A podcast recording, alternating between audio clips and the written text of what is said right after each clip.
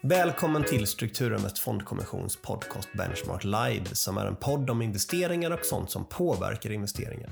Jag heter Peter Jönsson och jobbar som sales på Strukturinvest. Strukturinvest Fondkommission tillverkar olika typer av finansiella placeringar samt har en marknadsledande depåplattform där bolagets kunder kan handla det mesta som är börsnoterat.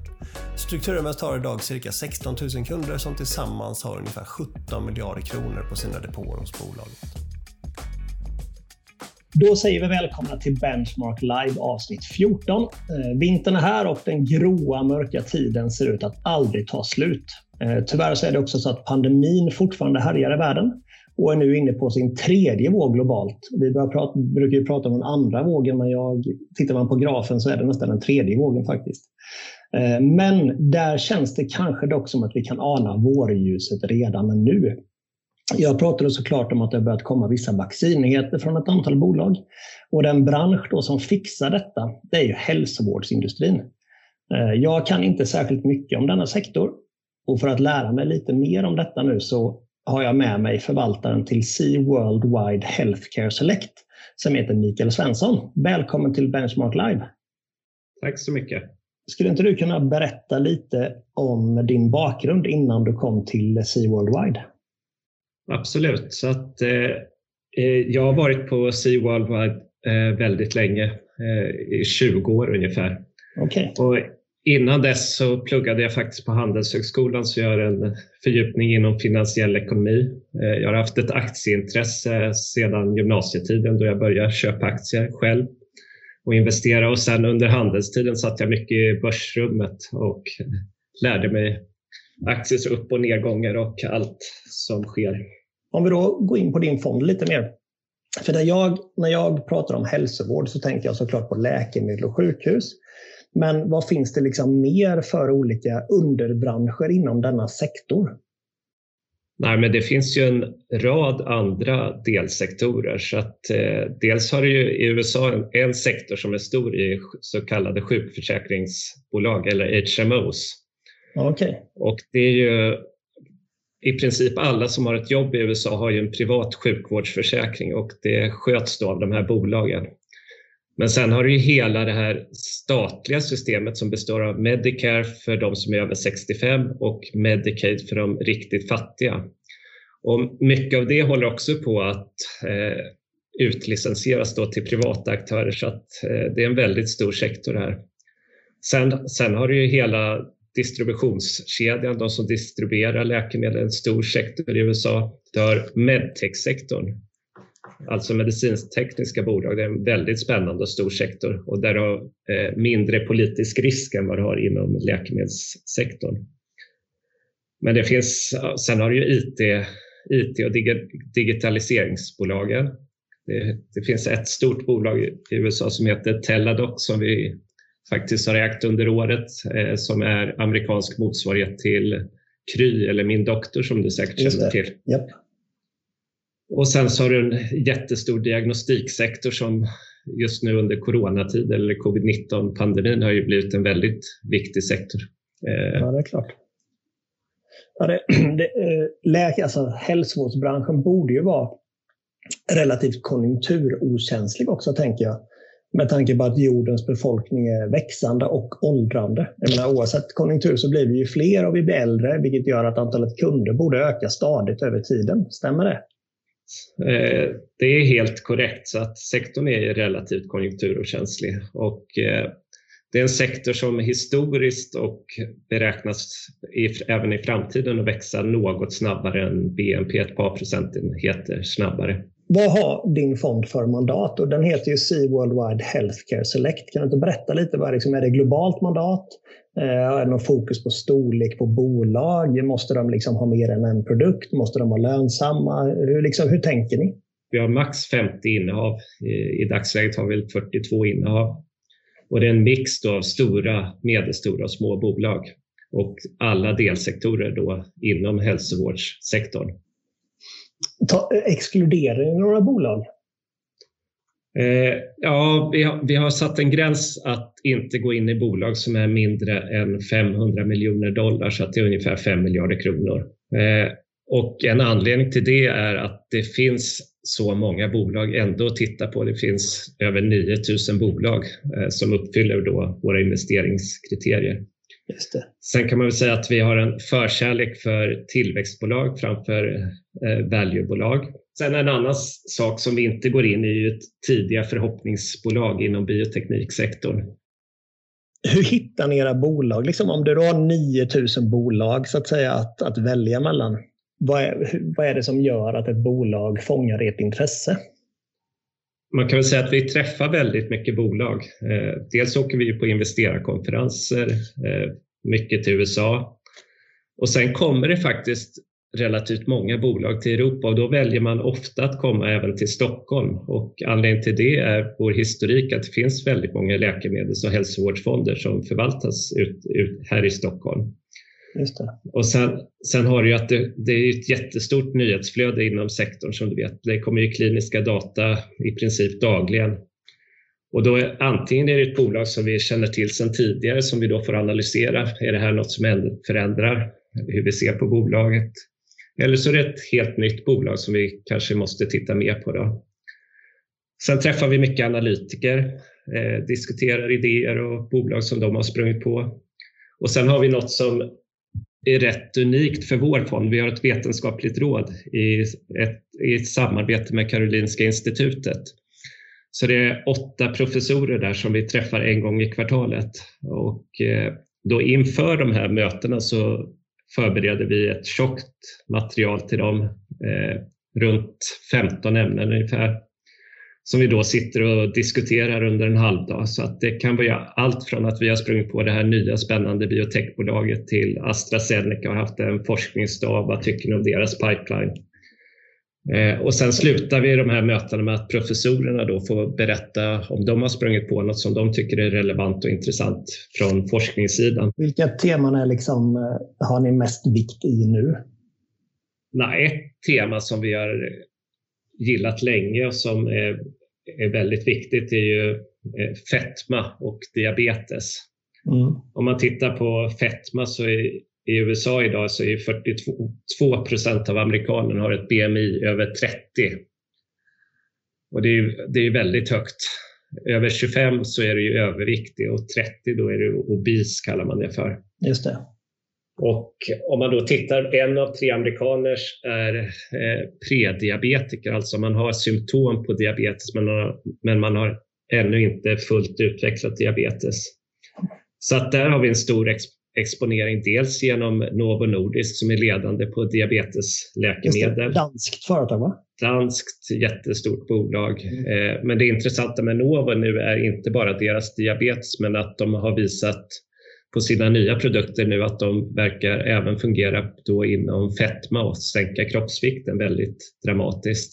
Den här pandemin nu som härjar runt jorden, har, har det gjort att ni har ändrat om någonting i er portfölj? Du nämnde att det var sådana här analysföretag och sånt. Har de liksom kommit in i fonden nu? Ja, nej, nej, men det, det vi gjorde i fonden var ju att vi, vi fick ju en kraftig börskorrektion där i mars, april. Precis. Och eh, det vi gjorde då var att vi ökade upp i en del bolag som vi tyckte hade fallit alldeles för mycket. Eh, så att det gjorde vi då. Eh, Sen så har det ju hela det här vaccinracet, vem som skulle göra ett nytt covid-19-vaccin. Jag tror det är över 200 bolag som håller på att utveckla vaccin mot covid-19. Mm. Och, och, veta då vilken spelare som skulle bli vinnare. Det är kanske lätt att säga nu i efterhand när vi nu börjar se resultaten, men det var ju helt omöjligt att veta när, ja, när det här började. Och sen, och sen även veta hur långsiktig kommer den här vaccinförsäljningen bli? Det vet vi inte heller. Men som exempel, det, ju, det fanns ju ett bolag, eller finns ett bolag som heter Moderna eh, som har visat väldigt fina data nu på covid-19-vaccin. Mm. Eh, men det värderas nu till, ja, sist jag tittade var det 67 miljarder dollar. Så det, det, det värderas som ett halvt AstraZeneca mm. baserat på en produkt. Ja, det enda de har är alltså det här vaccinet? Ja, de har ju andra produkter, men de är väldigt tidiga i utvecklingsfas. Men vi köpte faktiskt ett diagnostikbolag okay. som har dragit väldigt nytta av eh, covid-19-krisen. Och det är ett bolag som heter Kaidel, ett amerikanskt bolag. Och Det som är spännande med det bolaget är att i USA har man historiskt även testat eh, för den årliga influensan i hög grad. Det gör man inte i till alltså, exempel Sverige. Testar för det, inte bara vaccinerar utan även testar? Nej, du testar även folk som Aha. har symptom och det är en hyfsat stor marknad. Men det de gjorde att de har en liten box som de sätter ut på klinikerna och som då kan på 15 minuter få resultat från de här testerna.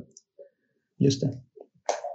Och det de var snabba med ut var då nya covid-19-tester på den här boxen och eh, de säljer allt de kan producera så att de producerar över två miljoner tester nu i veckan och säger, säger att de ska växa det här till över fyra miljoner nästa år. Så att det är ett bolag som har gått väldigt bra. Sen så gick den ner nu på de här vaccinnyheterna. Mm. Men lyssnar man på bolag så tror ju de att det här är ett paradigm, paradigmskifte för hur mycket tester vi kommer göra framöver. Jag kan hålla med om det. Mm. Eh, jag tror vi kommer bli väldigt mycket bättre på att testa för väldigt många olika saker. Och de har en rad olika tester för de här maskinerna och har blivit nu en väletablerad spelare i det här fältet. Och eh, nej, det, det är ett väldigt fint bolag. Ja, det känns ju mer långsiktigt att satsa på de som testar för olika sjukdomar med tanke på att det kommer i framtiden också väldigt många olika sjukdomar gissar på jämfört med att ett bolag som bara har ett vaccin mot en sjukdom som förhoppningsvis kanske inte kommer tillbaka inom överskådlig framtid. Absolut, och eh, det de har på väg också nu är att eh, lansera det här för hemmarknaden och det kommer ju framförallt, eller först komma till USA. Mm. Så att du köper hem en sån här liten, liten box och sen så kan du gå till din, ditt lokala apotek och köpa ett test och testa det hemma så att du behöver inte ens besöka sjukvården. Mm. Så att det, ja, det är spännande det som sker inom det området. Ja, det låter verkligen som. Jag såg på er mm. innehållslista så fanns det väl, jag tror att det heter, heter det? Intuitive Surgical. Intuitive Surgical. Ja, det känns ju som ett väldigt eh, vad ska man säga, modernt och häftigt bolag på många sätt. Kan du inte berätta lite om det? Ja, men det är ett eh, väldigt, väldigt spännande bolag för att det de har är ju en eh, robot som då kan eh, kan sköta operationen, eller den sköter inte operationen, det är ju fortfarande en eh, men du sköter det med en joystick. Och kirurgen behöver inte ens vara i samma rum utan han kan sitta vid en monitor och göra själva operationen. Och det här har ju eh, revolutionerat hur man gör operationer. De har över 5000 robotar installerade globalt, eh, växer väldigt snabbt i Kina. Och det här har blivit då eh, standardbehandling för en rad olika former av operationer. Och ser en fantastisk fortsatt tillväxt för det här och den stora fördelen med det här är att det gör medelmåttliga kirurger bra, eller mycket bra. Nej, men är du en, är du en toppkirurg så, så behöver du inte en robot som hjälper dig, men är du en, eh, Eh, är du en junior eller medioker kirurg så har du en väldig nytta av det här för du får extrem precision. Vilket gör att du får mycket bättre utfall från operationerna. Patienterna kommer snabbare ifrån sjukhusen och att ha patienter liggande på eftervård kostar väldigt, väldigt mycket pengar så att, och du får bättre resultat. Så att, det är rätt intressant, det här används ju även i Sverige så att eh, min pappa fick ju prostatacancer för något år sedan här och eh, där opererade man faktiskt med en sån här intuitive surgical robot. Och mm. Så inom prostatakirurgi eh, och prostatacancer har det här blivit nu eh, standardbehandling till exempel. Och, det låter ju, eh, det låter ja, lite läskigt när det är alltså, robotar som är inblandade, men det är en människa som styr dem menar du? Ja, det är en människa som styr från ja. ett annat rum. Och sen så det som kommer komma nu med 5G är att då får du ju mycket snabbare nätverk, vilket gör att du inom en ganska snar framtid kan sitta, bästa kirurgen i USA kan sitta och operera på någon i ett helt annat land. Mm. Så att eh, det är något som kommer. Men det folk har varit rädda för Intuitive är att det ska komma konkurrens. Och nu då när jag ändå har det på tråden så känns det som att vi måste prata lite mer om den här sjukdomen som i alla fall har varit den mest uppmärksammade sjukdomen under min levnadstid. Jag är 43 år gammal eh, och det är då covid-19. Så om vi börjar med bara kort, vad är liksom coronavirus? Vad är det för någonting och hur farligt är det jämfört med andra kända sjukdomar? Det är en jättebra fråga och det, det, hur farligt det är tror jag inte riktigt vi vet förrän i efterhand när vi kan summera sjukdomen. Men, men det är ju ett eh, RNA-virus och det har vi haft tidigare. Vi har haft tidigare coronavirus och redan 2003 hade vi ju sars, om du kommer ihåg det, mm. som fanns i Kina. Men den spreds bara till fyra länder. Eh, och sen så hade vi något som hette Middle East Respiratory Syndrome, eller MERS, 2012 som kom från kamelerna i, i Mellanöstern. Eh, men grejen med det var att det var så pass dödligt så att det kunde inte sprida sig i någon högre grad. Ja, just det. Så att, men hur farligt det är? Det här är ju framförallt farligt om man är gammal, om man har riskfaktorer eh, som hjärt och kärlsjukdomar sedan innan, om du har eh, lungsjukdomar sedan innan så är det ju negativt. Eh, för gemene man är det ju inte alarmerande farligt, även om man naturligtvis ska ha respekt för det. Det sker ju dödsfall även bland de yngre. Nu verkar det då som att eh, det är på gång vacciner och det har ju gått väldigt fort. Du nämnde tidigare att tio år brukar det ta att ta fram ett nytt läkemedel, men nu tog det mer eller mindre sex, sju månader. Vad, liksom, hur är det möjligt? Nej, men det, den stora anledningen till det är ju att man har plöjt ner pengar inom det här området. Eh, USA hade ju något, eller har något som de kallar Operation Warp Speed som man satte upp tidigt för att då utveckla dels läkemedel men även vaccin eh, för just covid-19. Sen så är läkemedelsbolagen själva plöjt ner väldigt många miljarder i det här så att det är ju en del. De har ju fått delfinansiering av de här Operation ja. Warp. Ja. Eh, och sen det man också gjorde var ju att man tillät att du behövde inte göra fas 1 först och sen så gjorde du fas 2 och sen fas 3. Det är så du normalt utvecklar läkemedel. Och samtidigt, innan du visste resultaten så började du med produktion och det är ju något som du normalt gör, mhm. skala upp produktionen. Det brukar du ju göra först när du vet om ett läkemedel fungerar. Någonting som eh, gör att man blir kanske lite nervös då när det gäller vaccinering det är ju att för ungefär tio år sedan, 2009, så var det många i världen och Sverige också som vaccinerade sig mot den här svininfluensan. Eh, och då var det ett läkemedel som hette Pandemrix som jag tror att vi i Sverige köpte in. Och sen så kom det ju nyheter om att det var då, och klart media målar ju upp det väldigt mycket, men att det var en, en biverkan där, att man fick narkolepsi. Um, och det känns som att det finns ju någon slags rädsla för att ett snabbframtaget vaccin skulle ha större biverkningar som man kanske inte hittade i den här fas 3-studien. Mm. Är det någonting som folk borde oroa sig över? Nej, men det finns ju en all, alltid en risk med att det kan komma biverkningar när vi går in i större patientpopulationer och när vi får mer långtidsdata. Eh, det man ska komma ihåg är ju att det man godkänner eller kommer att godkänna nu i USA och förmodligen i Europa är ju att vi har två månaders säkerhetsdata. Vi har följt de här patienterna i två månader.